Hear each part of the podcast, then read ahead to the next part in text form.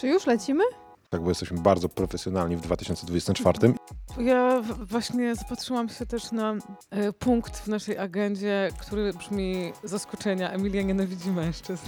Piszą o tym, co im się podoba, o tym, kogo znają, kogo lubią, kto im zapłacił. Nie mam czasu czytać książek, e, artykułów, ale mogę czytać post w mediach społecznościowych. Może nie traktuje was jak mężczyzn. Może po prostu kapitalizm każe nam lubić czytać opowiadania teraz na nowo. E, Więc em Emilia zabiła tą chwilę. Jest to ciekawy temat z tą Godzillą.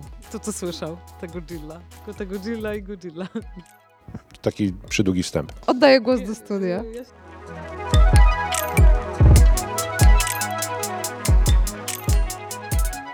Dzień dobry, e, witamy Państwa serdecznie w kolejnym podcaście Radio Proza. Dzisiaj bardzo mroźny dzień. E, Niektórzy z nas czuli ogromną potrzebę, żeby podsumować rok. Myślę, że sporo osób odczuwa właśnie coś takiego, żeby zebrać się w sobie i ładnie opowiedzieć o tym, co się robiło e, w minionym już roku, czyli dzisiaj odcinek specjalny Bełkotu Literackiego, podcast Radio Proza. Spotykamy się w klubie Wrocławskiego Domu Literatury, w klubie Proza.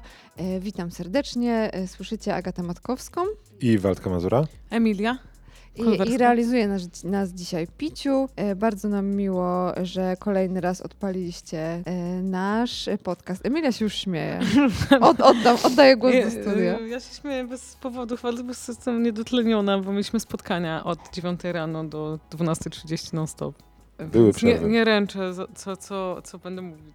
Ale mam na szczęście notatki. Nie, ja mówię tylko na początku, bo zjadłam miskę makaronu, zaraz zasnę, więc każdy, każdy coś swojego tutaj wniesie dzisiaj. Ale może w taki styl będzie trochę charakterystyczny dla roku 2023, który jak nam wyszło z tego podsumowania, które mamy na kartkach, bo jesteśmy bardzo profesjonalni w 2024 i pierwszy raz mamy tak bogatą i Nie, przepraszam, uporządkowaną na agendę. początku na pierwszy drukowałam, potem mi przeszło. No ale dobra, teraz mamy tutaj taką agendę i może właśnie ten wychodzi właśnie, że ten rok 2023 był trochę taki bełkotliwy i to wszystko, co nam dzisiaj towarzyszy jest charakterystyczne dla minionych 12 I miesięcy. tak zaczynamy e, podsumowanie 2023, bardzo subiektywne, podkreślmy.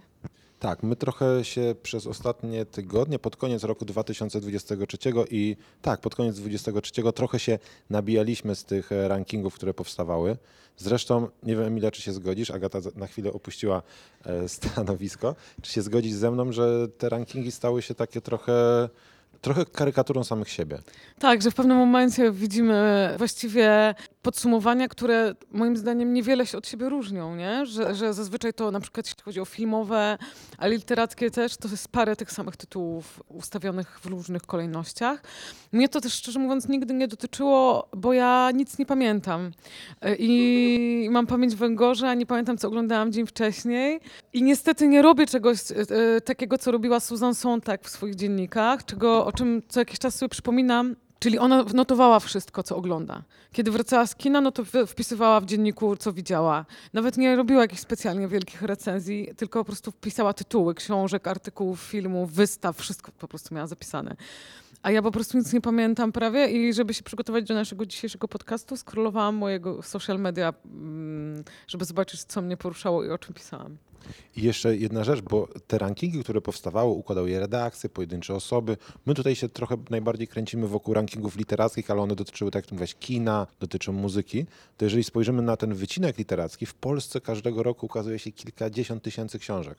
I ja nie wierzę w to, że nawet redakcja kilkuosobowa jest w stanie jakiś sensowny wycinek z tego ugryźć. Tak? Więc jeżeli ta, ten ranking oni przedstawiają najlepszych książek, najważniejszych, to tak naprawdę jest to jakiś procent całości, przemielony przez różne czynniki, przepuszczony przez różne czynniki, które czasami są takie założenia mające wprowadzać nas w błąd. Mam tu na myśli wpływy różnych wydawnictw, które są duże, mają fundusze, więc mogą sobie pozwolić na reklamę, mogą sobie pozwolić na to, żeby do danej redakcji pisma wysłać, a poza, e, pisma, przepraszam, e, książki, a tym książkom będą towarzyszyć jakaś odpowiednia odprawa, tak? Więc to trochę staje się takie... Książki są po prostu towarem, jak każdy inny towar. No, Te, które są bardziej reklamowane, są bardziej widoczne i co nie znaczy, że są lepsze. to nie znaczy, że są lepsze. A ty, Agata, jaki masz stosunek do rankingów? Podsumowań topek? Czytam i oczywiście klikam w nie, ale uważam, że są trochę bez sensu, bo faktycznie jest, wszystko się tak naprawdę bardzo powiela.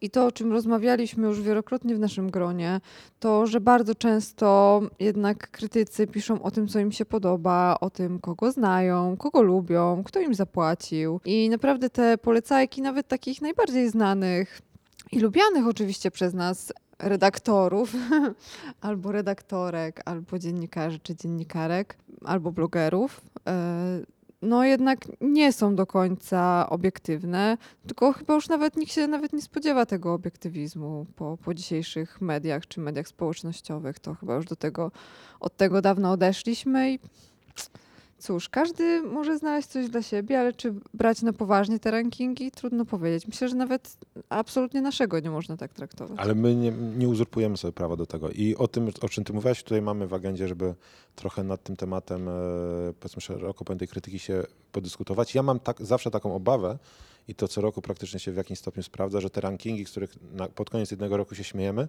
one w następnym roku mają niestety przełożenie też, e, niestety, czasami stety, bo to nie jest tak, że wszystko, co jest w tych rankingach jest e, niefajne i niesłusznie tam wskazane jako rzeczy dobre, e, ale one mają takie bardzo duże przełożenie ch- chociażby na nominacje do nagród literackich. I to tak wygląda, jakby już to wszystko było na samym początku gdzieś tam zaplanowane i później wszyscy inni tylko się wzorowali na tym, co jakaś duża redakcja gdzieś tam ktoś e, nazwał ważnym i istotnym. Ale okej, mm, taki przydługi wstęp. Jaki mamy w ogóle plan działań na dzisiaj? Jak ta, jak, opowiedzcie, jak ta agenda nasza wygląda. To będziemy mówić, e, zaczniemy na początku od czegoś dobrego, co nam się nie, nie zawsze zdarza. To będą odkrycia i najlepsze rzeczy, które nas, nas urzekły w 2023. Potem opowiemy o zaskoczeniach, potem o rozczarowaniach, no i oczywiście to, co lubimy najbardziej, czyli najgorsze z najgorszych. Ale mam, mam jeszcze taką prośbę, żeby na koniec jeszcze każdy z nas wskazał takie jed, jed, jedną naj, najlepszą książkę, która nam się kojarzy z zeszłym rokiem.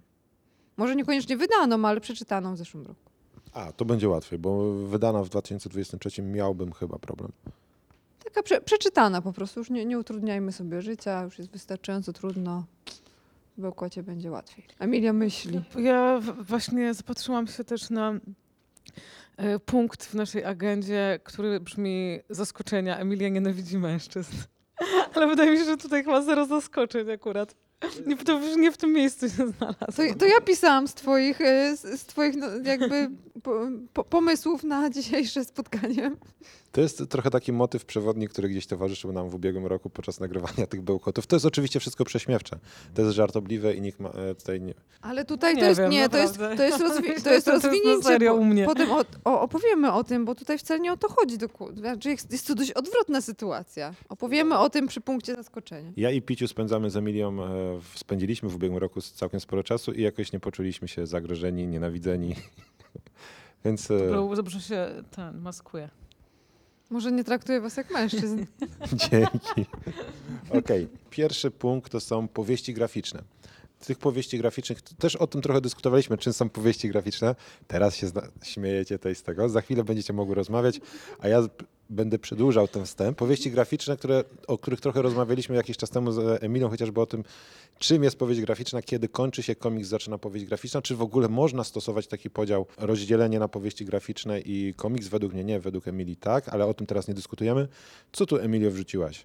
Bo to, jak się domyślam, są twoje propozycje. Yy, Tak, ja w ogóle bardzo się cieszę i mam wrażenie, że powieści graficzne weszły jakoś tak do e, szerszego obiegu krytycznego i takiego poważnego traktowania, o czym świadczy może nawet to, że Jacek Świdziński jest nominowany do Paszportu Polityki za swoją, swój najnowszy, swoją najnowszą opowieść, komiks, e, festiwal, ale dla mnie najważniejsze, jedno z najważniejszych w ogóle książek i możliwe, że to jest właśnie ta książka, którą uważam za najlepszą w ubiegłym roku, jest powieść Nika Drnaso, Lekcja aktorstwa. To jest taki autor powieści graficznych też, który dostał też w Stanach Zjednoczonych nagrody literackie. Takich książek jak Sabrina czy Beverly, które wcześniej się ukazywały w Polsce, ale myślę, że lekcje aktorstwa, które w, tym, w tamtym roku ukazały się w Polsce, to jest chyba najlepsza jego powieść graficzna. On jest rysownikiem i E, scenarzystą? On rysuje, on rysuje i pisze te historie. One są bardzo niepokojące, bardzo minimalistyczne. Opowiadają o bardzo aktualnych tematach, takich jak teorie spiskowe w Sabrinie, czy też w ogóle jakieś mm, relacje międzyludzkie, przedmieście amerykańskie, czy właśnie w ostatnim komiksie jakaś, jakiś poziom manipulacji i takich zawiłości, przepraszam, zawiłości kontaktów społecznych, że tak powiem.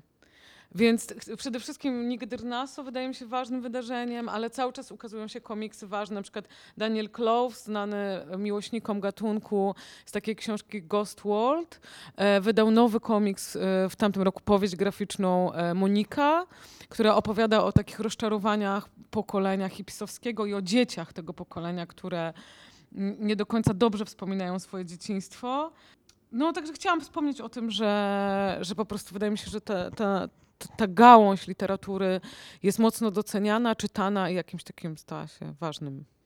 A może zawsze była, może po prostu ja tego też wcześniej nie dostrzegałam. Nie. A masz takie podejrzenie, czy y, myślałaś może w ten sposób, że trochę ten, to zainteresowanie komiksem wzięło się stąd, że ten komiks gdzieś cały czas funkcjonował, ale doczekał się chociażby adaptacji głośnej Persepolis i nagle się zaczęły pojawiać historia przemocy, zaczęły się pojawiać filmy, które były adaptacjami, adaptacjami komiksu i tak trochę w mainstreamie ludzie zaczęli myśleć o tym, e, nawet ten film Finchera z tego roku, o którym chciałem gdzieś tam później opowiedzieć, e, który na Netflixie się ukazał z Michaelem Fassbenderem, jest adaptacją komiksu francuskiego. I czy może to jest pokłosie tego, że te komiksy właśnie przez chociażby adaptacje jako historie interesujące weszły do głównego nurtu? Nie myślałam o tym, ale możliwe, że jest to powiązane, chociaż wydaje mi się, że akurat czym innym jest trochę docenienie literackiego ciężaru tych opowieści, a czym innym takiego potencjału właśnie budowania wartkich, żywych, wciągających historii, które mogą być fajne do przełożenia właśnie E, przez Netflix Mhm. na przykład. Idzie mi nie? o to, e, akurat ten, e, to nie jest super wartka film i historia, jeżeli chodzi o zabójcę. Czymś innym jest zupełnie jakby Persepolis. Chodzi mi o to, że kt- niektórzy ludzie sobie, którzy nie podchodzili, nigdy nie tykali powieści graficznych komiksów, czy oni czasem nie pomyśleli, ej, to tam mogą być fajne fabuły, fajne historie, te, komiksem można Może poruszyć tak. ważny temat. Ale jednak część osób wciąż e, uważa powieści graficzne i komiksy za nieliteraturę. To jest dość Znamy częste. takie osoby, jasne. I też e, należy rozgraniczyć, że są takie, tak jak we wszystkim, tak? Jest literatura wysoka, literatura e, gatunkowa, pulpowa i w komiksach to jest tak samo. Ja w ogóle mm, teraz pomyślałam sobie, że jakbym miała tak um, ustawić tego Nika Dyrnaso na półce literatury, to ja w, widzę w nim trochę więcej poezji nawet niż prozy. Dlatego, że te opowieści zawierają bardzo mało słów, w jakiś taki esencjonalny sposób dotykają istoty rzeczy i przez rysunki, które też ujawniają jakieś fragmenty rzeczywistości, są, wydaje mi się, jakąś taką wspaniałą, właśnie bardzo poetycką, zwartą e, ilustracją rzeczywistości. Więc właśnie, może właśnie trzeba jednak powieść graficzną trochę traktować jako osobny gatunek. Nie po prostu powieść, no bo jednak ten obraz, który często jest, em, idzie w kontr, w, pop, w poprzek tego, co jest napisane, wyprowadza nas na manowce. Wydaje mi się, że też w ogóle powieść graficzna, ona bardzo czerpie e, z kina, bo te, te kadry, które obserwujemy, no to są kadry filmowe po prostu często. E, więc czasem się nic nie mówi po to, żeby coś pokazać. I no w ogóle wydaje mi się, że sam temat jest w ogóle na osobny podcast pewnie, więc może nie ma co się rozgadywać. Mamy tutaj pomieszane tematy, żeby nie było tak, że najpierw tylko mówię Emilia, później e, tylko ja i później tylko Agata, to pomieszajmy i teraz może Agata ty. Coś tu co dorzucić. Okej, mogę też ja, mogę też ja. Albo nie, ja mam nie, jeden. jak już mi powie, pozwoliłeś, to jadę. E, Ja chciałam powiedzieć o opowiadaniach i trochę was wciągnąć e, w tą dyskusję. E, Ponieważ e, ja osobiście nigdy nie byłam fanką e, krótkich form, ale w zeszłym roku nawet w naszych podcastach pojawiło się bardzo dużo opowiadań. I mam taką refleksję, że one bardzo zlały mi się w jedną całość, ponieważ czytaliśmy. Czyta, dzwoni telefon. Boże. Artur dzwoni do ciebie. Artur dzwoni. Czytaliśmy Towę Ditlevsen, którą uważam za najlepszą, ale czytaliśmy też McCullers. E, Czytaliśmy o Tessce e, Moszpek. Moszpek. Czytaliśmy... E, tak jak mówiłam, nie pamiętam. Aha. A, ale rzeczywiście tak. To, znaczy ja to w ogóle też się od razu wtrącę, bo bardzo mi się to podoba, ten zwrot, że mówi się bardzo dużo o autorkach i wymieniłaś też dużo kobiet, ale w ogóle wydaje mi się, że e, zaczęło, e, z, z, jakoś tak li- literaturę trochę przejęły, mam wrażenie, kobiety swoją, swoją, swoimi książkami w ostatnim czasie. Bo nagle zaczęliśmy czytać, nie wiem, Flannery O'Connor e, w Polsce, Unikę Zurn, e, Leonorę Carrington, że jakby te nazwiska stały się takimi najważniejszymi nazwiskami, mam wrażenie, teraz w I, i, obiegu. I potem Emilia się zastanawia, e, dlaczego ludzie czytali Hemingwaya, jak było tyle ciekawych. Dokładnie, a bie, w- jak się na Ko- przykład ja ostatnio czytałam znów Hemingwaya i wydaje mi się, że, że no tego się już nie da czytać, nie? Ja się zastanawiam, czy na przykład, czy to nie jest tylko złudzenie, że tych kobiet jest tyle, a jakbyśmy policzyli te tytuły, to może na, nadal literatury pisanej przez mężczyzn jest czekamy więcej. na liczę- Megan Nolan, czekamy na Lucję Berlin, czekamy na... Może, a może... Ja, no, to jest subiektywny przegląd, Tak, więc ja ale mówię może o po prostu sobie, tych pań jest porównywalna liczba do mężczyzn i to już robi na nas takie wrażenie. Ani Nam się er, wydaje, Erno dostała Nobla, Sigrid to też Nunes. jest ważne. Właśnie, czeka, to już właśnie ja już akurat mam Sigrid Nunes nową książkę. Opowiadania, przepraszam, bo ja ci się w twój, w twój wywód o opowiadaniach wtrąciłam z feministycznym po prostu transparentem. Przejęłam demonstrację. Ja bym się pod te opadania trochę podpiął, ale od męskiej strony, bo rzeczywiście te opadania jakoś w, w tym ubiegłym roku miały swój moment. Ja pamiętam także były lata, kiedy te opadania e, wróciły i pamiętam jak e, zadebiutował prozatorsko książką e, Paweł Sołtys. E, Czyli Pablo Paweł i nagle wszyscy, ojejku, można jeszcze pisać opowiadania. No, E, mikrotyki zrobił tak. e, ogromny szał. Mhm.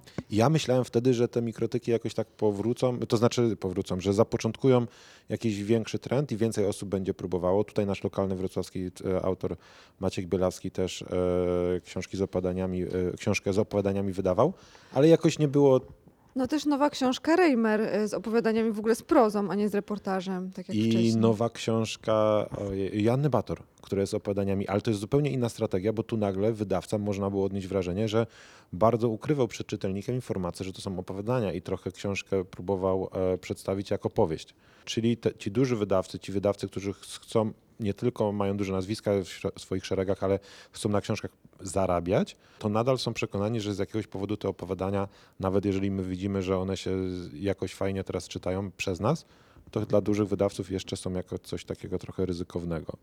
No ale mamy też e, mężczyzn, którzy piszą albo pisali opowiadania, które lubimy. Oczywiście, że tak. No. Że To nie jest tak, że tylko kobiety, oczywiście. O, Wspomniałem Borgesa, o którym, którego przerabialiśmy w Bełkocie. Ja w tym odcinku nie brałem udziału, ale on też z, z opadań trochę słynie. Więc tak. ja czytałam najbardziej. Oto Pawła w zeszłym roku. Dużo się działo. Kiedyś chyba jeszcze w ogóle takim naturalnym e, trendem było, że najpierw się publikowało opadania w, czasopismach, a później się e, szło, próbowało większej formy. Nie wiem, teraz to trochę to wygląda inaczej. Zobaczymy, co nam ten rok przyniesie i może faktycznie opowiadania e, e, przestaną być e, gorszą formą prozatorską. A w ogóle zaczęłam się zastanawiać, czy ta popularność teraz opowiadań, które wcale też nie są nowe, bo to są często stare rzeczy, e, nie wiąże się z jakimś takim mm, cały czas przyspieszającym rytmem życia, że osoby, które e, nie, nie mają czasu na wielkie powieści może, może to nie jest wcale, wydaje nam się może, że to jest nasza literacka świadoma decyzja, a może to jest właśnie nasze życie, które jest jakby coraz szybsze i, i może po prostu kapitalizm każe nam lubić czytać opowiadania teraz na nowo albo pierwszy raz. Ale smutny, smutny wiem, wniosek. Smutny, ale tak pomyślałam, że po prostu nie, jesteśmy zmęczeni między jedną pracą a drugą, ale znajdziemy czas na to, żeby wziąć książkę, przeczytać jedno opowiadanie i jakoś dostarczyć sobie tę dawkę literatury, której potrzebujemy. Czyli nie mam czasu czytać książek, e, artykułów, ale mogę czytać posty na, w mediach społecznościowych. I to jest trochę taka odpowiedź. No tak sobie teraz na żywo myślę. To był Oczywiście żart oczywiście. To nie odbiera oczywiście wa- wa- wagi i wartości tym książkom, ale tak pomyślałam, że może to wynika też z naszego trybu życia trochę. Są badania, które można w drodze do pracy, w autobusie, w tramwaju przeczytać. E, I A może też nie mamy w ogóle cierpliwości już też, jako czytelnicy trochę, dla, dla wielkich fabuł.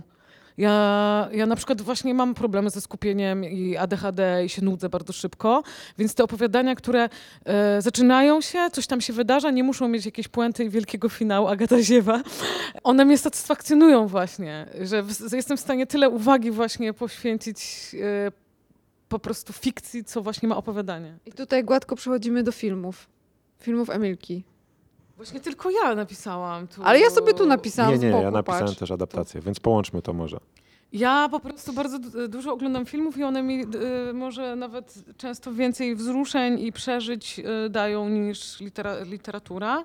I chciałam wspomnieć o kilku moich y, ważnych dla mnie rzeczach filmowo w, tam, w tamtym roku. Więc chciałam powiedzieć, że oglądałam nałogowo filmy Wanga Binga, czyli chińskiego dokumentalisty, który miał retrospektywę na festi- festiwalu Nowe Horyzonty w tym roku. I to jest też ciekawe dla mnie doświadczenie, bo jako osoba, która nie może się na niczym skupić, jestem w stanie bardzo skupić się na filmach Wanga Binga, które trwają po 5-6 godzin i które są dokumentami nie mającymi żadnej fabuły nie, y, i które po prostu pokazują na przykład jego najnowszy film pod tytułem Młodość, pokazuje pracę młodych ludzi e, w mm, różnych tekstylnych, głównie zakładach przemysłowych, fabrykach w Chinach, e, gdzie po prostu oglądamy przez 5 godzin, jak oni żyją, ro- rozmawiają, pracują, przede wszystkim jedzą i spędzają czas.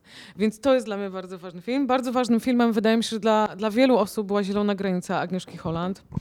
E, Dla mnie osobiście bardzo poruszającym przeżyciem było oglądanie nie tylko dlatego tego filmu, że opowiada o sytuacji e, śmierć ludzi je, jest filmem bliskim rzeczywistości, ale też miałam wrażenie oglądając ten film, że pierwszy raz widzę film, który nie opowiada historii, którą znamy z przeszłości i do której możemy się łatwo ustosunkować tak, że ojej, straszne rzeczy się działy, współczuję tym ludziom, tylko opowiada to, co dzieje się tu i teraz. I zdajemy sobie sprawę z tego, że no niewiele możemy zrobić albo nie robimy za zbyt wiele i, i to było dla mnie ważne przeżycie. Co jest istotne przy tym filmie, jakkolwiek on jest czarno-biały, a to, więc to, co zabrzmie, z- powiem, zabrzmi dziwnie, on nie jest tak czarno-biały, jak mogłoby się wydawać, jak był przedstawiany przez e, pewnych ludzi, którzy próbowali go ograć politycznie. I to jest manifest w pewien sposób, ale on nie jest tak oczywisty, jak mogłoby nam się wydawać, gdybyśmy tylko słuchali wyłącznie relacji polityków na temat tego filmu. Tu chciałam tylko też wymienić, bo za długo będę gadać. Jeszcze obejrzałam wspaniały film pod tytułem e, Roving Woman polskich twórców dziejący się w Stanach Zjednoczonych z muzyką Connie Converse, którą odkryłam dzięki w sumie temu filmowi. Widziałam w kinie opętanie Andrzeja Żuławskiego, które zrobiło na mnie wielkie wrażenie na ek- wielkim ekranie. O- Obrazy e, Roberta Altmana, który uważam za najlepszy film o chorobie psychicznej. I obejrzałam pierwszy raz w życiu wszystkie sezony Rodzin Soprano która cały czas jest wspaniała i w ogóle się nie zestarzała i chciałabym. Czyli co dobrego może się wydarzyć, kiedy złamimy tak, sobie rękę? dokładnie. To było największe szczęście, jakie spotkało mnie po złamaniu ręki i operacji. Mam tu jeszcze więcej, ale już może nie będę To jak już jesteśmy przy filmach, tutaj dołożę. e, Ja wyliczyłem tutaj trochę takich tytułów, które nie są wcale jakimiś moimi the best of, jeżeli chodzi o filmy i. Ale ja się kierowałem głównie e, tym, żeby to była adaptacja. E, Ale w pierwszej kolejności chciałem zwrócić uwagę na takie zjawisko, które już trwa od dawna, ale ja je sobie odczytuję jako taki triumf książki, książki jako nośnika opowiadania historii, literatury w ogóle jako nośnika opowiadania historii. Mianowicie spo, spoglądając na box office, spoglądając na serwisy streamingowe, większość, może nie większość, ale ogromna część e, filmów, które powstają, które teraz są popularne i seriali, to są adaptacje. Czasami nawet nie wiemy o tym. Ten e, zabójca e, Finchera na podstawie komiksu, film świetny według mnie, ubiegłoroczny, Nie. Oppenheimer. Aha. Zabójca świetny. Nie, nie, nie, nie, nie, był, był- rozczarowujący, No ale szum, szum wokół filmu i tak dalej, to oczekiwanie. Dawid Fincher wla, wraca po latach, ale ja już mówiłem na początku, że będzie trochę zamieszania, więc to wszystko mi się bardzo podobało. Oppenheimer, który jest adaptacją, często o tym nawet nie wiemy, że idziemy na filmy do kina i te filmy e, są adaptacjami, bo to Skandal, gdzieś... jak można tak pójść do kina i nie wiedzieć, że to jest adaptacja. Ale Szok. tak, ale nie wiemy o tym, to oczywiście nie jest skandal i szok. Mnie cieszy to, że ta historia się zrodziła na, e, w literaturze. I literatura, nawet jeżeli może już będzie taka trochę niszowa, to na pewno będzie tym miejscem, z której twórcy popularniejszych e, rzeczy będą wyciągać historię. Więc mnie to bardzo cieszy. Film bardzo popularny na koniec e, roku na Netflixie Zostaw świat za sobą z Ethanem Hawke'em i Julią Roberts. To jest także adaptacja książki. Mnie osobiście bardzo cie- cieszy to, że Amazon Prime wyrzucił kolejny sezon e, Jacka Reachera. e, Adaptacji książek sensacyjnych Lee. Tutaj spoglądam sobie w stronę picia. Wiem, że on też jest wielkim fanem tego wielkiego bohatera literackiego. Wielkiego mam na myśli gabaryty głównej postaci. I rzecz, która mnie piekielnie ucieszyła i która jest według mnie świetna, jest bardzo popowa. Adaptacja komiksu, powieści graficznej, jakbyśmy chcieli. E, Trzecia część Marvelowskich Strażników Galaktyki. Na temat tego uniwersum Marvela, tych kilkudziesięciu filmów, seriali, już dużo rzeczy się powiedziało. Tam są rzeczy, według mnie wybitne są rzeczy bardzo kiepskie, ale ci Strażnicy Galaktyki, pierwsza, druga, trzecia część i tam, gdzie oni się pojawiają, to jest taki To jest coś bardzo, bardzo fajnego, jeżeli chodzi o pop na poziomie, to to jest według mnie to są Himalaje, to jest Mount Everest i życzyłbym sobie, żebyśmy tylko na takim poziomie, na, w tak sposób mieli serwowaną taką, taką totalnie mainstreamową, e, wielkobudżetową rozrywkę, bo to, nie wiem, jakiegoś takiego małego dzieciaka we mnie budzi. To sobie obejrzę to może. Tylko trzeba pierwszą i drugą część oczywiście, bo trzecia jest takim zamknięciem, pożegnaniem się z bohaterami. Chciało mi się płakać na tym filmie i to jest takie, Ja no, płakałam na Godzilli nowej, japońskiej. która też jest jakby świetną, świetną rzeczą. No Godzilla w ogóle wraca. Ciekawe w ogóle jest, to też, to też w ogóle, można, moglibyśmy długo gadać, ale ciekawe, bo ona mnie oczywiście wzruszyła i zachwyciła. Ta Godzilla japońska, która jest jakimś takim rozliczeniem się z mitem kamikaze i w ogóle ofiary bohaterstwa japońskiego. A potem przeczytałam bardzo ciekawy tekst o tym, że w kinie japońskim dominuje taki nurt, który polega na tym, że Japończycy stawiają się w roli ofiar zawsze II wojny światowej. I że ten film wpisuje się w to właśnie wybielanie swoich win, że tak powiem. Także to jest ciekawy temat z tą Godzillą. Ciekawy temat z tą Godzillą. Kto to słyszał? Ta Godzilla. Tylko ta Godzilla i Godzilla. To ja powiem króciutko o swoich filmach, które, e, które uważam za mm, takie perełki 2023 roku. E, Bo i to tak e, się złożyło, że akurat to są filmy, które widziałam na festiwalach, więc one niebawem wchodzą do kin. E, I na przykład w okolicach Walentynek e, cudownym filmem miłosnym jest film Opadające liście e, w reżyserii Akiego Kaurismakiego, którego uwielbiam Chciałam to obejrzeć. który jest wspaniały i zrobił trylogię portową. Naprawdę ciepły i taki chwytający za serce obraz, który gorąco, gorąco wszystkim polecam.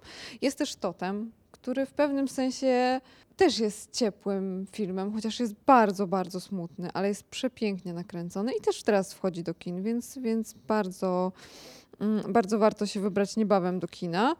E, a jeśli chodzi o seriale, to ja jestem ogromną fanką serialu Wielka. Obejrzałam trzeci sezon e, w zeszłym roku i bardzo mi przykro, że był ostatni. I tyle ode mnie. Tu ja jeszcze muszę dodać, bo film, który zrobił na mnie duże wrażenie i teraz sobie przypomniałem, książki nie czytałem, ale jest adaptacją do Ostatniej Kości, czyli film e, z teraz szalenie popu- popularnym Timothym Chameletem, e, który był pokazywany na e, American Film Festival, Agata u Ciebie, a można go teraz oglądać na Amazon Prime. To ja też obejrzę sobie w takim razie. Na wszystko oglądać, co mówicie. A To jest z- film, ja miałam robi z tym reżyserem miałam wrażenie. problem wcześniej, ale to też zobaczę. On był akurat na Nowych Horyzontach, więc był trochę wcześniej, ale tak, no już A teraz przepraszam, można to go... był Nowy Horyzont, a nie American Film To Festival. ja jeszcze chciałam o dwóch filmach, bo one są też ważne dla mnie. Jakoś tam w, w, w, grają jakby te dwa tytuły nawet ze sobą. Jeden to jest film Princess, który jest o seksworkerkach pochodzących z Afryki, pracujących we Włoszech.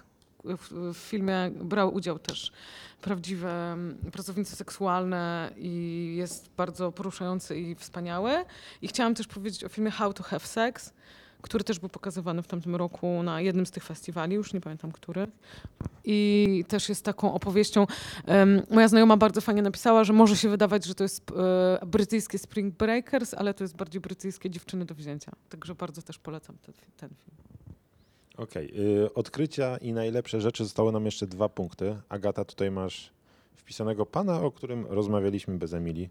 w Tak, bo jakby, naszym. jakby nie, nie uzgodniliśmy o co chodzi z naszą agendą i każdy wpisywał e, co uważa. I dla mnie e, odkryciem zeszłego roku był Douglas Stewart, którego poznałam dzięki e, Emilii, o tym już Ale rozmawialiśmy. myślę, że to był 2022 już.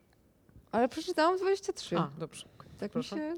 Shagiego Bane'a możliwe, że czytałaś pod koniec 22 i na w, a w Młody Mungo był w 23, Tak, ale myślę, że Shakiego Bane'a też czytałam. ale to wszystko zahacza o Chociaż nie, 23. nie wiem. No ale nieważne. Uważam go za niedawne odkrycie i, e, i bardzo, bardzo gorąco polecam. Bardzo mnie wzruszyły te książki.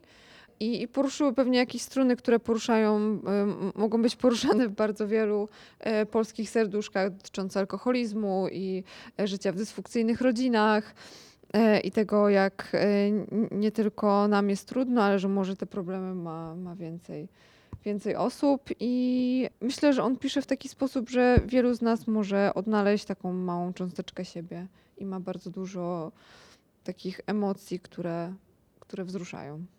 No dla mnie, to już chyba rozmawiałyśmy o tym też, że dla mnie e, czytanie losów e, Shagiego Baina, który boryka się z alkoholizmem swojej matki, to nie było tylko jakby przeżywanie książki, tylko cofnięcie się w czasie i doświadczenie na nowo tych emocji, które się przeżywało, jeśli się jest e, DDA.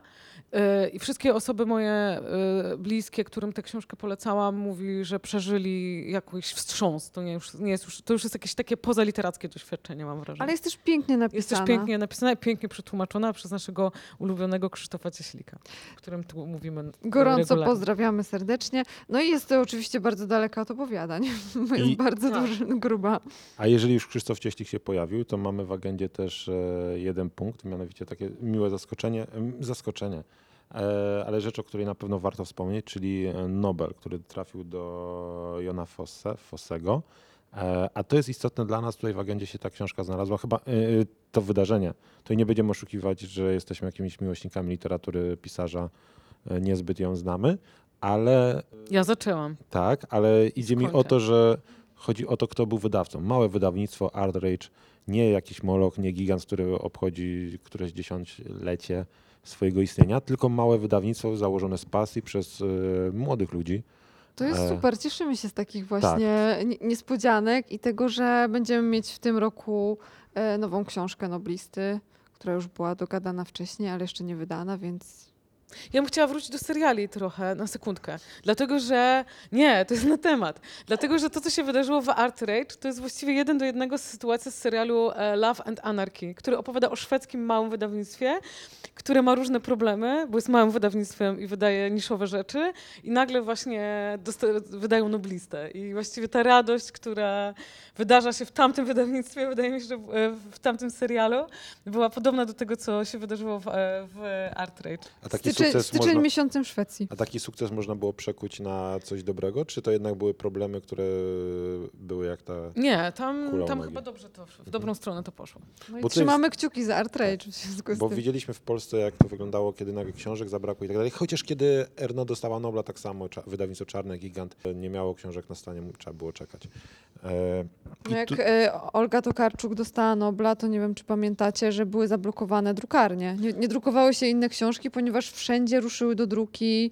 E, drukarnie zostały zaangażowane do tego, żeby dodrukowywać książki Olgi Tokarczuk i była bardzo długa kolejka na to, żeby wydać książkę, która nie jest książką noblistki. Tak, ale to był przypadek książka Nobel w Polsce dla polskiej autorki, więc pewnie rzecz totalnie wyjątkowa. Bardzo fajny mem jest a propos Jona Fossego i Nobla. Jest ten znany pan z memów, taki e, z brodą, który jest lekarzem i wszystkim w memach. I otwiera komputer i mówi e, Nobel, mm, Jon Fosse, Norweg. I zamyka komputer i mówi wystarczy literatury na dziś. To ja w, tej, w tym punkcie to już ostatnia rzecz e, ode mnie, mianowicie takie zjawisko, które będąc na, pracując przy Festiwalu Gór Literatury i odwiedzając targi książki w tym roku się w tym utwierdziłem, że to jest fajne. Mamy literaturę Young Adult, nie będę udawał, że tę literaturę teraz czytam, ale napawa mnie to gigantycznym optymizmem, cokolwiek by mówiono o tej literaturze. Ja, m, czytamy recenzje, czytamy opinie, że to jest bardzo złe, bardzo złe, ale pierwszy raz widziałem na oczy od bardzo, bardzo dawna, od chyba od tych czasów takich, kiedy literatura fantastyczna miała gigantyczny fandom e, i Wiedźmin świecił triumfy. Dla młodzieży czytanie stało się modne. I to już nie tylko jedna czy dwie autorki. Dla masy młodziutkich osób, do masy młodziutkich osób stawiają się gigantyczne, kilkusetosobowe kolejki. Przyjeżdżają do Kłodzka, przyjeżdżają do Wrocławia do hali stulecia na targi, przyjeżdżają do Warszawy na targi i chcą z tymi osobami się spotkać. Czytanie stało się modne. E, Nawet jeżeli na początku te nastoletnie osoby czytają taką literaturę, powiedzmy taką se, to jest to super, bo z jakichś powodów czytają. Jest to bardzo krzepiące. Nie wiem, czy widzicie tutaj taką analogię, może przesadzę, ale do czytania harlekinów w latach 90., e, kiedy mieliśmy najwyższe e, współczynniki czytelnictwa. Jeśli e, dobrze pamiętam, dlatego że były bardzo popularne e, harlekiny, które były czytane na potęgę. No to są książki, które nie- niespecjalnie e, są ambitne, powie, po- powiedziałabym bardzo delikatnie, ale muszę się przyznać, że na wakacjach przeczytałam jednego Harlekina. Zajęło mi to w porywach 2,5 godziny e, i czytałam fragmenty mojej przyjaciółce, u, której wtedy byłam, u której znalazłam tą książkę i była w ciężkim szoku, bo mówi, przecież to jest książka mojej babci. Moja babcia czyta takie rzeczy? Mogę No się do tak, czegoś przyznać? Tak, czyta. E, Te harlekiny miały różne kolory, jak kiedyś moja babcia też czytała, odkryłem to takie fioletowe. Fioletowe. Fioletowe. I one znaczy były fioletowe były bardzo, to były erotyki, to były takie i dla mnie jako nastolatka wtedy, hmm, przeczytałem wszystkie, które w domu mieliśmy. No było to sexy jakoś. Nic więcej na dalej, ten temat dalej nie to chcę jest mówić. sexy, Agata? E, no ja, ja, to nie były te... y, Była tam jed- jedna zawsze scena kulminacyjna, bo sz- szukałyśmy potem fragmentów, muszę No się tak, przyznać. tak. Ale e, była jedna zawsze scena kulminacyjna w tych, która akurat tam e, miała babcia e, K- e, Kasi. E, I no nie, fioletowe chyba były faktycznie najlepsze. Przyznam się, moja babcia też miała sporą kolekcję fioletowych. Babcie to wiedziały, co jest dobre. A jeszcze a propos młodzieży, to ja też oczywiście jestem em, w bańce pewnie jakieś, ale takie młode osoby w wieku liceum, które znam, czytają bardzo namiętnie Edgara Alana Poe. I wydaje mi się, że on jest właśnie Tak, czytany. jesteś w bańce. Jestem w bańce, e, ale na przykład nasza wspólna znajoma, która była u nas stażystką Oliwia, e, dostała pod choinkę takie książki jak Joyce, Franz Kafka, e, Edgar Allan Poe, bo takie sobie zażyczyła. Ale Ale jest Oliwia jest studentką wyjątkowo- filologii polskiej. Chcielibyśmy, żeby wszyscy byli jak Oliwia. Tak. Pozdrawiamy, jeżeli nas Pozdrawiamy. teraz e, słucha. Czy chcemy coś, bo tutaj jest jeszcze jeden zab- zabłąkany poeta z Sulejówka, którego Emilia Ja na wrzuciłaś. końcu powiem, jak będzie wyznanie. No a teraz Dobrze. musimy już zmierzać ku końcowi, bo już A nie wiem, na bo ja nie wiem. 43 minuty, bo tu zaraz jakby wchodzi, z- zabierają nam lokal. Ale Waldek ma tutaj bardzo ważne rynkowe, A e, to jeszcze o tym... bańkowe tematy o, w życiu wydawnictw i Okej, to już zostawiamy na koniec. Zaskoczenia. Bardzo sexy tematy. Zaskoczenia to już o tym mówiliśmy, czyli o tym, o czym e, Emilia, e, że Emilia ma problem z... Nie, właśnie nie chodziło, nie chodziło o to, że Emilia nienawidzi mężczyzn, tylko to, że czyta bardzo dużo kobiet i że Tak. jest bardzo dużo kobiet y, w, Ale z nowień wiecie, ale starych wiecie, że książek. ja tego też nawet nie robię jakby... To nie jest u mnie jakiś wyraz jakiegoś manifestu, tylko rzeczywiście one do mnie bardziej jakoś Jesteś trafiają i mnie chodzącym bardziej manifestem, to zawsze tak. No nie wiem, czytam cały czas Kawkę. E... Hermana, o, Hermana Melvilla też czytałam Ale długo opowiadania. myślałaś nad tym drugim strasznie. Zapomniałam A wymień trzeciego i czwartego. Eee, Tutaj jeszcze wmontujemy 20 sekund ciszy dodatkowo. Okej, to były nasze odkrycia i najlepsze rzeczy, które nam się, według nas się działy w 2023 dla nas. E, To jedno zaskoczenie Emilii odkrycia jeszcze będzie na samym koniec. A jeszcze chciałam powiedzieć, ma, bardzo, że Jednak? bardzo mi się podobała książka Marcina Czuba, żeby nie było, że same kobiety, objawienie bogini świni, która się ukazała w Harcie, która mnie A rzeczywiście, opowiadałaś I, o tej tak, książce, już opowiadałam o niej i dalej uważam, że jest wspaniała i polecam. Okej, rozczarowania. Te rzeczy, które nie lubiliśmy. To tutaj może nie będziemy się jakoś super rozgadywać, ale warto jakieś takie rzeczy wymienić. Ja jestem raczej, e, wchodzę w nowy rok raczej z zasadą rzuć to wszystko, wszystko co złe. I nie pamiętam prawie żadnych złych rzeczy. Zaskoczeniem dla mnie było, e, było obejrzenie filmu Barbie, który. Bo, bo- ja byłam w szoku po prostu jako osoba, która wychowała się w pankroku, że rzeczywiście firmy ogromne robią już sobie filmy, nie reklamy. Robią reklamy w postaci długich filmów z budżetem, poważnymi reżyserami. To był najlepiej zarabiający film 2023 roku. Przebił, e, wyprzedził wszystko w box office'ach, co było do wyprzedzenia. Chociaż tutaj dodam, to jest firma Mattel, która jest producentami. Oni już robili wcześniej chociażby Himena. Ja jako dzieciak się wychowywałem między innymi na kreskówce z Himenem. Był film, e, teraz w ogóle wrócił Himen, którego Ojejku, wy, wyleciał mi z głowy. E, A można sobie kupić takie figurki Himana i się bawić nimi? Tak, tak, można, to cały czas można robić, ale była też adaptacja z lat 90., e, w której grał Dolph Lundgren. Pamiętacie Dolpha Lundgrena? Nie. To jest taki skandynawski ja pamiętam. skandynawski aktor, ame- gra w Ameryce filmów akcji, on grał Iwana Drago w Rokim i specjalizował się w czarnych charakterach. On grał tego Himena, mniejsza o to. Renegata, pamiętam taki serial. Więc te bajki już gdzieś tam e, Żar to tropików. wchodziły. O, tak. Pamiętam O, tę tak. piosenkę. A tam nie było Dolpha Lundgrena. A Renegat to był Lorenzo Tak, Lamas. Lorenzo Lamas. Okej. I Sally z Dr. Queen. nie wiem, to jakiś taki strumień świadomości mi się. Mężczyzn. To są mężczyźni, których mogę... Wszyscy w tam- długich włosach. Ale przynajmniej niektórzy mają brody, zaraz. E, z rzeczy, które mnie wkurzyły w roku 2023, teraz o tym nie pamiętamy, ale my pracujemy w Instytucji Kultury, która zajmuje się literaturą, więc to, co wyprawiano w Instytucie Książki, jeżeli chodzi o dotacje ministerialne, to e, zakrawało o pomstę do nieba i dość powiedzieć, że rozstrzygnięcia wniosków ministerialnych na rok 2023 na dotacje różnych projektów, jak chociażby festiwale, były rozstrzygane wiosną, kiedy te festiwale miały się odbywać. To jest taka rzecz, która mocno wpłynęła na to, jak wygląda wyglądał sezon literacki, myślę, że e, w Polsce w 2023. I rzecz, która jeszcze taka właśnie e, nudna, jakby powiedziałyście, która dla mnie jest jakimś przekroczeniem pewnej takiej psychologicznej granicy, bariery, to ceny książek. Ceny książek, normalnych książek, normalnie wydanych, nie jakichś super wielkich, nie tylko w twardej oprawie, które przekraczają już śmiało 50 zł. I to trochę... Ale wszystko z drugiej strony jest też drogie, Jest wszystko nie? drogie, Idziesz do ale- knajpy i wydajesz też na obiad tyle pewnie. Ludzie bardzo często już, teraz ten argument nie kupuje książek, bo są drogie, tak trochę jest prawdziwy. Bo żeby kupić dwie książki nie wystarczy, nie wystarczy ci 100 zł. Co już jest trochę zaskakujące. Dla mnie, tak sobie myślę.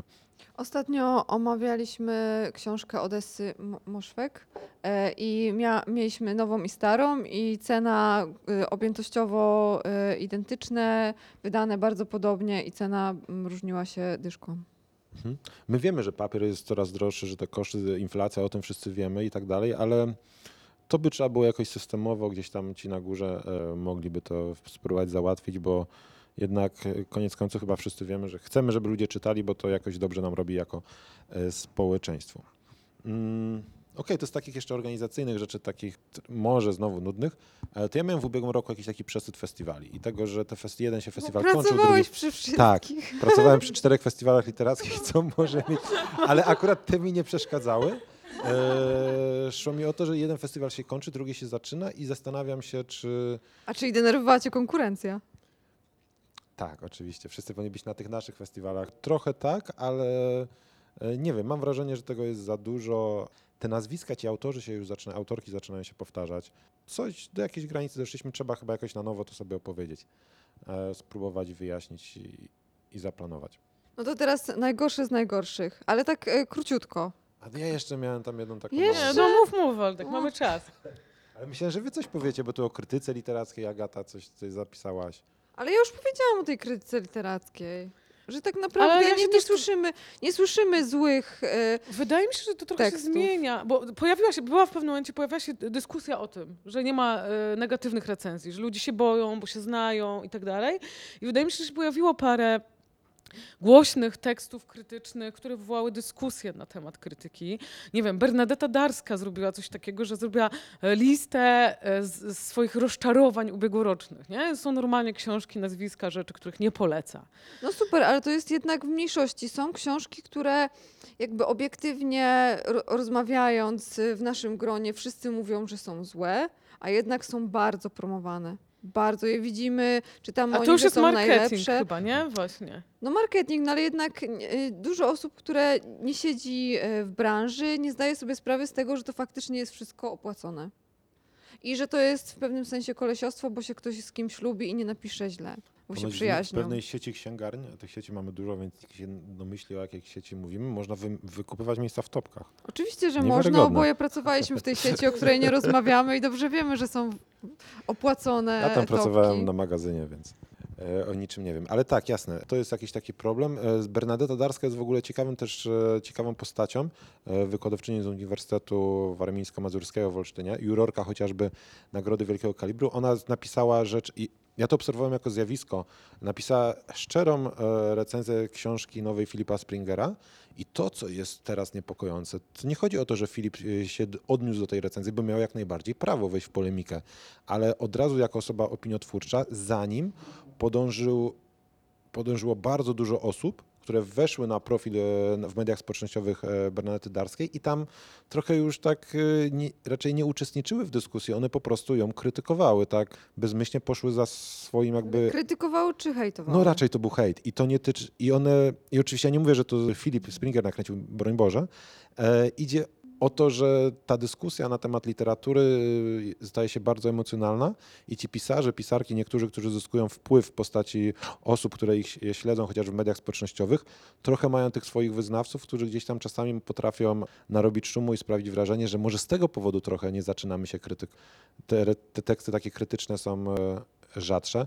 Był ten taki głośny tekst traktujący o polskiej literaturze, który był napisany pod pseudonimem. E, Nie pamiętam, czy on w tygodniku się ukazał.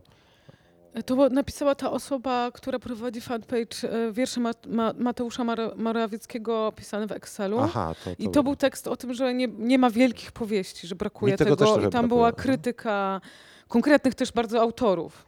Co, I to się spotkało z dużą z kolei krytyką. Bo to, to, to zabieg był słaby. Ja tutaj też wrzuciłem do agendy, że mi trochę tych takich powieści brakowało. Pod koniec roku pojawił się e, Jakub Żulczyk, ale nie zdążyłem go wtedy w 2023 No przeczytać.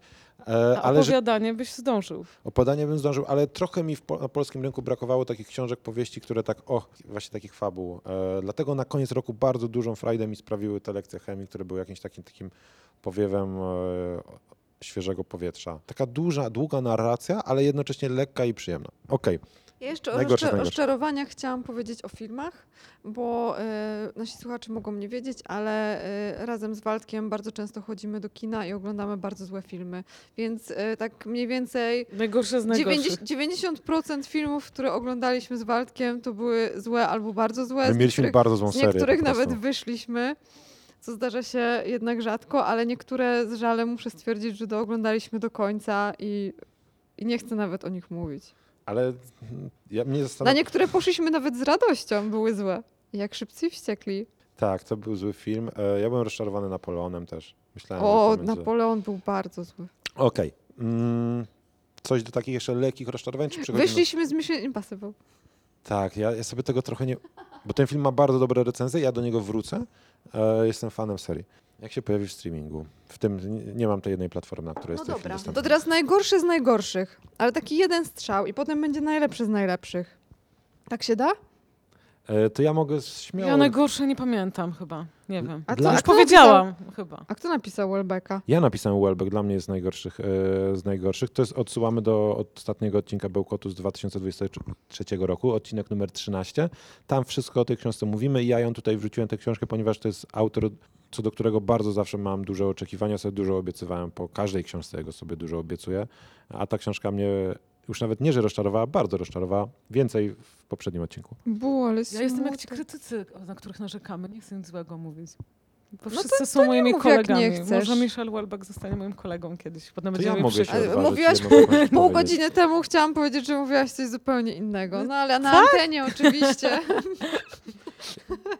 Dla mnie na przykład taką książką, z którą mam e, jakiś tam problem, są, jest książka Małgorzaty Lebdy, Małgosi Lebdy Łakome, e, z którą czytam jako książkę poetycką i nijak nie mogę się, która mi się poetycko podoba, a nijak nie mogę się do siebie przekonać, że to jest e, proza, powieść i tak była przedstawiana, a ja ją czytam i sobie myślę, to jest taka fabularyzowana poezja. I po prostu z tym mam problem. I ta książka powieść, powieść, fabuła, a tutaj Ja, nie, ja, tego tak po, nie po odczytuję. trzech zdaniach stwierdziłam, że jakby poziom egzaltacji dla mnie jest zbyt wysoki tej książki. To, to ja mogę powiedzieć, że dla mnie najgorszy z najgorszych w zeszłym roku, ponieważ musiałam się przygotowywać do spotkania organizowanego przez Wrocławski Dom Literatury, więc dowiedziałam się więcej o tej postaci. Jest cała postać Tyrmanda. Znaczy, im, im bardziej się wczytywałam, tym bardziej ogarniała mnie groza i zgorszenie mm, o, o, tym, o tym panu. Tak, I, Tyrmand i, jest i to jest, straszny. I to jest Był. moja postać najgorsza z najgorszych. Możliwe, że jego syn jest trochę lep, gorszy. Ale okej, bez, e, już bez takich rzeczy. Na- Emilia wjeżdża najlepszy z najlepszych. Ja chciałam, zostawiłam sobie na koniec y, poezję, o której w ogóle nie rozmawialiśmy. Chciałam powiedzieć o dwóch po- książkach poetyckich, które uważam za y, bardzo ciekawe, ale pewnie nikt o nich nie słyszał z tamtego roku. Jedna to jest Torbuska, Amfilada 21, która okazała się w wydawnictwie WPBC i AK. Y, k- pewnie książka nie, nie przebiła się bardzo, dlatego że autorka mieszka we Francji i jest poza w ogóle środowiskiem, a wiersze są strasznie ciekawe, dziwne, y, poruszające. Z jednej strony brzmią, jakby ktoś bardzo się śpieszył i potykał, z drugiej strony jakby nie chciał się skończyć. Także chciałam o tej książce i chciałam powiedzieć o debiucie poetyckim poetki Julii Tkacz z Poznania, która też ukazała się na sam koniec ubiegłego roku i którą też bardzo polecam. Ale na, to, co zostawiłam na koniec, to jest moje wyznanie, że w tamtym roku e, to jest do, do tego e, punktu odkrycia, zachwyty i wszystko naraz, bo w tamtym roku zakochałam się w Piotrze Somerze. Zakochałam się w Literacko. jego wierszach, które oczywiście znałam, wiedziałam, że, że jest poetą e, uznanym, i, ale e, mam wrażenie, że często jest tak, że jakieś dzieło do nas trafia jakoś mocniej w pewnym momencie i zaczyna się je trochę czytać na nowo. I y, zakochałam się w tych wierszach, których nakupowałam od razu bardzo dużo. Cały czas cytowałam y, te krótsze, takie jak mam to rozumieć, czy mam o tym pisać. Y, Ale zakochałam się też w Piotrze Somerze jako mężczyźnie i człowieku. To jest moje wyznanie tu w Bełkocie. Okej. Jestem zakochana w nim. To ja dorzucę zupełnie jakby innej bańki. W nikim się nie zakochałem literacko w ubiegłym roku, ale dos... U, ale trafiła mi się książka, która mi sprawiała masę frajdy. Jestem, e, lubię słuchać podcastów, nie tylko bełkotu literackiego. Jeden z moich takich e, częściej słuchanych podcastów ulubionych jest Podcastex, e, których prowadzi dwóch, dwie osoby w naszym wieku, Mateusz Witkowski i w podobnym, podobnych nam metrykalnie i Bartek e, Przybyszewski. Oni wydali w, w nakładem WAB książkę Podcastex e, Polskie Milenium. To jest, oni opowiadają o tym, co się działo w latach 90. w telewizji i okolicach i w latach zerowych i ta książka traktuje o pięciu latach 99-2005 i dla mnie to był taki świetny wehikuł do czasów, kiedy wchodziłem w dorosłość, kiedy byłem nastolatkiem i przypominałem sobie różne rzeczy, które mnie, jakoby nie było, ukształtowały. Czy jesteś sentymentalny tak, trochę? jestem strasznie sentymentalny i wrażliwy. To wszyscy chyba wiemy tutaj. Wszyscy osoby, które słuchają tego. Dobrze, to teraz e, moje najlepsze z najlepszych literacko zeszłego roku to będzie teraz bardzo emocjonalnie, bo chciałabym powiedzieć, że najlepsze, co literacko spotkało mnie w zeszłym roku, to są słuchacze e, Bełkotu Literackiego, którzy do nas piszą, którzy piszą komentarze i Myślałam, którzy że moja nas, książka, druga. którzy nas słuchają. I oczywiście książka Emilii Konwerskiej. E, Więc Jaki em, Emilia product zabiła tę placement. chwilę. Ale chciałam serdecznie podziękować wszyscy, którzy nas słuchają, bo napędzacie nas do pracy Tak, ja i, też dziękuję i bardzo. dajecie nam taką pozytywną energię, że naprawdę ktoś nas słucha i, i, i się interesuje tym, co mówimy. I statystyki pokazują, że naprawdę e, bełkot literacki przypadł Wam do gustu, także jesteśmy tutaj dla Was Kochamy was. i, i bełkotamy dla Was. No, to jest wzruszające. Rzeczywiście, ja byłem zaskoczony tym, że ludzie zaczęli do nas pisać. I to już jest jak, e, jak lista do redakcji właśnie z lat 90. Urocze, słodkie, super. Ja będę się przygotowywać bardziej, obiecuję. I na dzisiaj kończymy. W styczniu mamy dwa odcinki, super. Tak, już, już niebawem będziemy mówić o lekcjach chemii. Tak naprawdę już mówiliśmy przedwczoraj, ale będą później. Już Tak, dostaliśmy Waldek- też tak książkę Waldek do trzeciego wymyślił. podcastu, ale chyba jeszcze nie będziemy zdradzać, co to będzie. Bo To nie troszkę pamiętamy. Do usłyszenia. Do usłyszenia. Pa!